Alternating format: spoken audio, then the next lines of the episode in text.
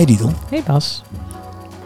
Eh, daar zijn we weer met de podcast Kwartiertje Over. Een kwartier over het werk, het leven en het werkende leven. En vandaag gaan we het hebben over... Trouw. Ben je trouw? Zo. Nou, Zo. Dat is een bin. eind, einde intro tune. Ja. Bedankt Didel. Ehm, nou, ja, ik ga toch Nee, beginnen met ja zeggen. Ja. Ja. nee, ik ga die vraag wel beantwoorden, geen probleem. Ik ga toch wel ja zeggen, ja. Het is natuurlijk eh, trouw. eh, ja, trouw is voor mij primair aan jezelf en daarna eh, aan anderen. En waar ik de afgelopen jaren wel mee bezig ben geweest, is dat heel goed uit elkaar te gaan halen en niet trouw te verwarren met. eh, ja, een soort symbiose van samen zijn. Mm. Hè, omdat het heel erg. eh, en dus, dus ja, ik denk dat ik wel trouw ben. Maar dat lukt niet altijd. Het trouw zijn aan mezelf. En dat betekent niet dat ik gelijk hele gekke dingen doe. Maar ja, ik bedoel, een s- simpel voorbeeld is dat je op een feestje staat mee te kletsen met iets wat je eigenlijk niet boeit. En dat, dat vind ik eigenlijk ontrouw. Hmm. En ja, of, ja, nou ja, dat is wel heel dramatisch. Maar laat ik zo zeggen, dat de, de, Nee, maar het, het, het start bij de definitie van wat is trouw voor jou. En als dat is inderdaad trouw aan jezelf, hoe ziet dat er dan uit? En als dit daar niet bij past, dan ben je dus niet trouw aan jezelf. Nou ja, en je, de, maar de definitie kan ook zijn trouw aan een ander. Mhm. Maar dat kan je ook alleen maar zijn als je jezelf bent. Want anders is het niet jij die trouw bent. Mhm. Dus als je zegt, ik ben trouw aan de ander. eh, en daardoor doe ik bepaalde dingen niet. Want dat komt niet uit in de relatie met die ander. Dan ben je niet meer jezelf. Wie is er dan trouw aan die ander? Dat is een soort schijn, schijn-ik. Dus Je bent, ja, je moet altijd trouw, als je trouw aan een ander wil zijn, moet je trouw aan jezelf zijn. het liefst wel. Ik denk dat dat nog wel een uitdaging is voor veel mensen. Nee, ja, zeker. Het is niet een binair iets. Nee. Maar ik denk dat het eh, daar wel bij begint. Ja. En soms leer je trouw zijn aan jezelf door trouw te zijn aan een ander. Jezelf wat kwijt te raken.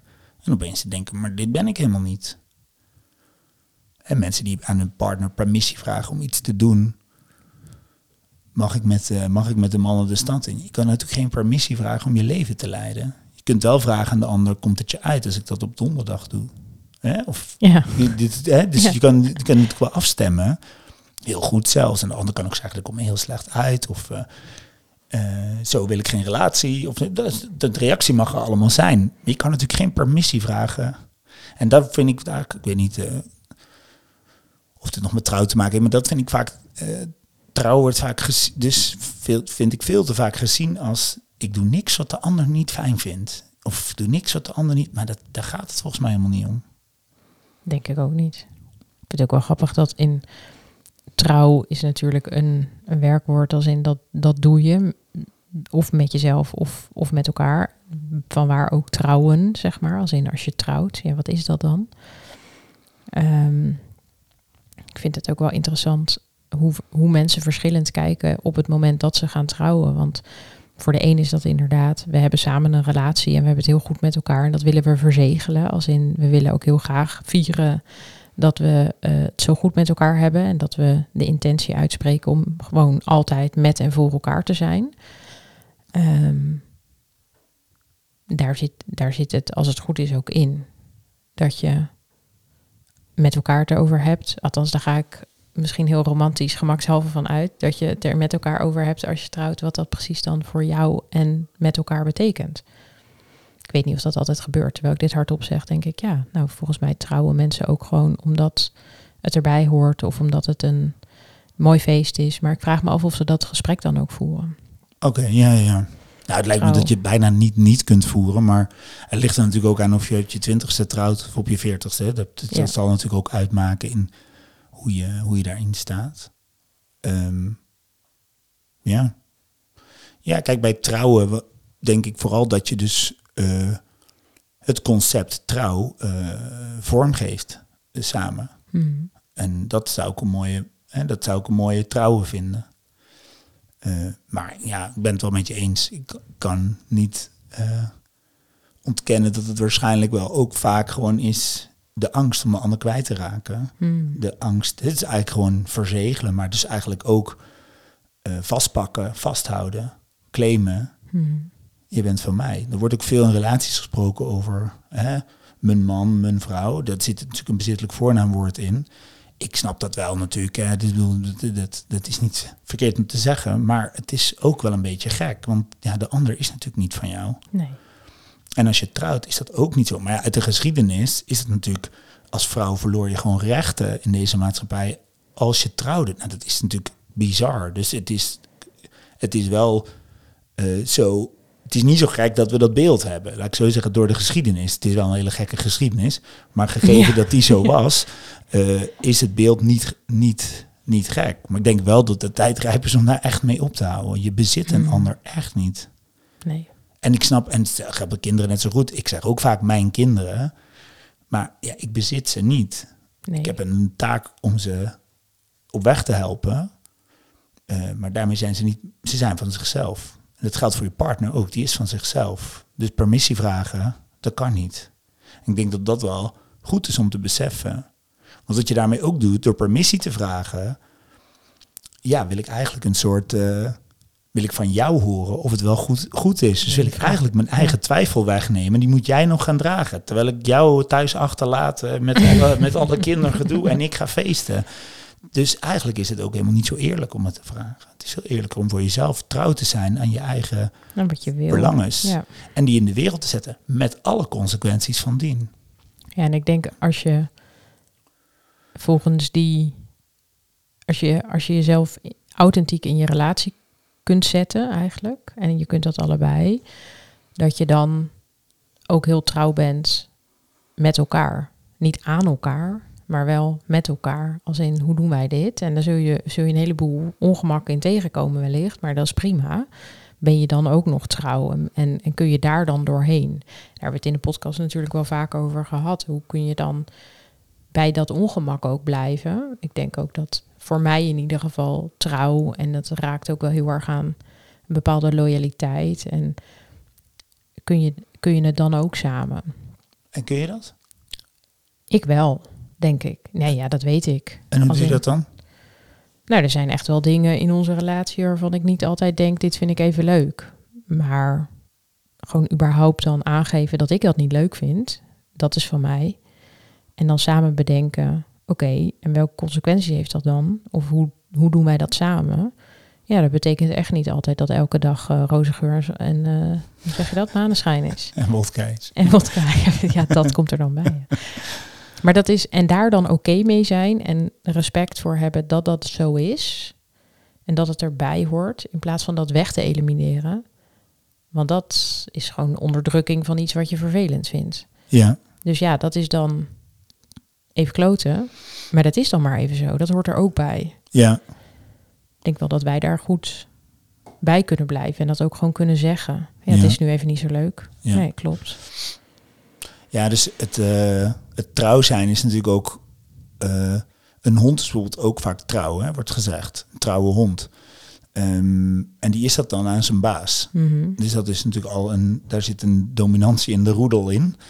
Ehm, Afhankelijkheidsrelatie. precies, voor eh, de bonzo-brokken. En, eh, Vrij belangrijk voor een hond. en dat... ehm, maar een hond kan ook trouw zijn bijvoorbeeld aan een heel gezin. Ja. En, en dus het is niet per se aan één persoon Terwijl we hebben trouwen, het is ook bij wet trouwens in Nederland, is gekoppeld. Dat mag je maar met één persoon. Kan je natuurlijk zeggen, dat is heel logisch.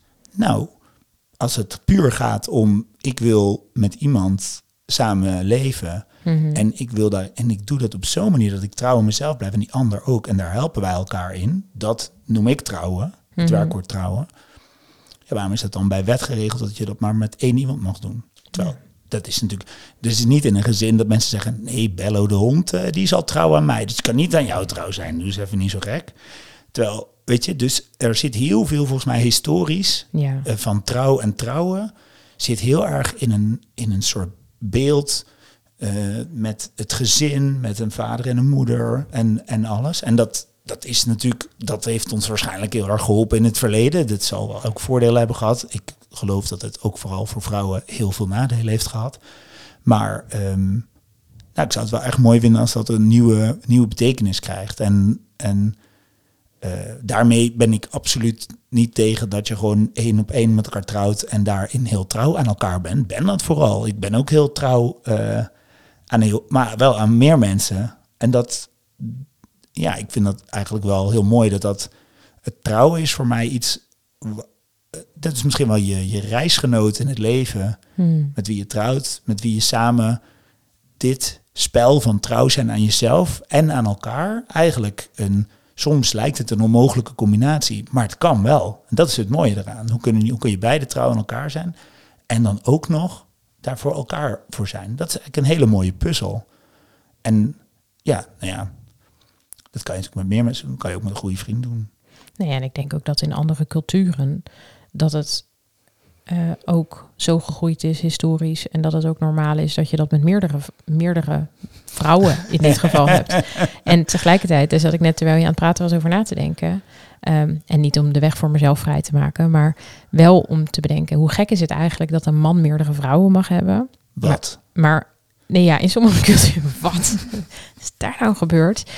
Laten we dat eens even ontrafelen. Ja. Maar dat is natuurlijk wel zo. Ja, Dat je als dat vrouw dus- zijnde de zoveelste, man, eh, de zoveelste vrouw bent van die ene man. En is- zijn ja. kind nummer 20 en 21 op de wereld zet. Nee, maar dat is er ook, hè? Dat is zo, maar dat is niet de definitie van trouw die ik net nee, zei. nee, klopt. Maar als we kijken naar wat er om, in de wereld om ons heen gebeurt en hoe hard er ook ehm, gevochten wordt. En ik noem dat wel echt een gevecht door vrouwen met vrouwen, mannen met, met mannen, eh, transgenders. d- dat vind ik echt wel. de- daar, daar wordt wel een, klein oor, een kleine oorlog, zeg maar, ge- ge- gevoerd. Volgens en het mij, is ook goed dat die, dat die gevoerd wordt, vind ik. Alleen het feit dat het moet, zo moet gebeuren, en wat je net zegt ook in het historisch perspectief, ja, dat is best wel. Ik vind dat wel heftig. dat is- dat is het zeker. En ik denk dat dus het woord trouw is eigenlijk verba- eh, veel verbasterd naar het trouwen. En dat is Mhm. verbasterd naar het huwelijk tussen traditioneel een man en een vrouw. Ja, En dat wordt aan alle kanten opengebroken en terecht. Ehm, eh, maar daarmee zou bijna dat gevecht nog groter worden. En dat is ook Mhm. heel goed, hè? dus dat, dat, dat wil ik vooropstellen. Maar het gaat erom of je trouw aan jezelf kunt zijn. En dat Ja. in contact kan brengen met wie jij maar wil. Mhm. En, en volgens mij zou het mooi zijn als, als trouwen, dus het werkwoord, eh, weer daarover gaat. En dan vallen al die concepten die vallen ook weg. Ja. Dan gaat het niet meer over met hoeveel, met wie, met welk geslacht, wanneer. et Nee, en eigenlijk als je dan kijkt naar trouwen, dan zoals ik er naar kijk, ik ben ook niet getrouwd, ehm, maar dat is ook niet voor niks. Ehm, want als je dan kijkt naar het instituut huwelijk, dan denk ik ook, ja, waar hebben we dat dan nog voor nodig? Is het dan nodig? Of in welk hokje, keurslijf ga je dan? Dat heb je natuurlijk vooral samen te eh, bestendigen, om te bedenken wat betekent dat voor ons. En als dat helpt voor een stijl of voor de vorm, zeg maar, dan is dat helemaal oké. Ehm, en, en zo niet, ja, dan, dan is dat ook niet zo. Ik ben wel blij dat ik in ieder geval in een tijd leef waarin ik mag kiezen of ik trouw of niet. In het huwelijk treed, moet ik dan zeggen. Dat je dat zelf kan kiezen. Ja, dat het ook kan zonder dat je dat doet. Ja. Ik zou het heel leuk vinden om een keer een heel mooi groot feest te geven. En onze liefde te vieren. Maar ik hoef niet per se te trouwen. Wat is het verschil dan? Dat ik me in een. Nou, in dat instituut, zeg maar, dat je dat vastlegt. Dat je wordt bijgeschreven bij het gemeentelijke... Ja, je kunt ook denken, ja, dat maakt toch niet uit, want je, je, bent toch elkaar Maar als je nou niet zou laten bijschrijven, Ja. en zou je dan willen trouwen? En je geeft een groot liefdesfeest om jullie liefde te... Is dat, is dat dan niet wat trouwen is? ja, ik denk het wel. En ik zeg ook wel eens, ja, volgens mij zijn wij al lang getrouwd. In de, in de vorm, zeg maar. Oh zo, ja. want ja. die trouw, is, dat, dat is er al. ja, precies. maar dus het- voor mij mag dat ook, zeg maar, omdat het er al is, denk ik ook, ja, de vorm daarna maakt niet zo heel veel meer uit. Nee. nee, maar dus koppel je, Ja. koppel je het los. En Ja. als je dus het, het, dat gaat loskoppelen, dan kan opeens alles. En dan wordt het minder het instituut en, en het bijschrijven en in het register. En dat er een officiële ambtenaar bij moet zijn, want anders is het niet echt. Dat is natuurlijk een beetje gek. Als, ja. als twee mensen weten dat het echt is, dan zijn het wel de twee mensen die gaan trouwen. Dat hoop ik wel, ja. Ja, dus eh, het lijkt me wel belangrijk dat die het in ieder geval weten hoe het werkt.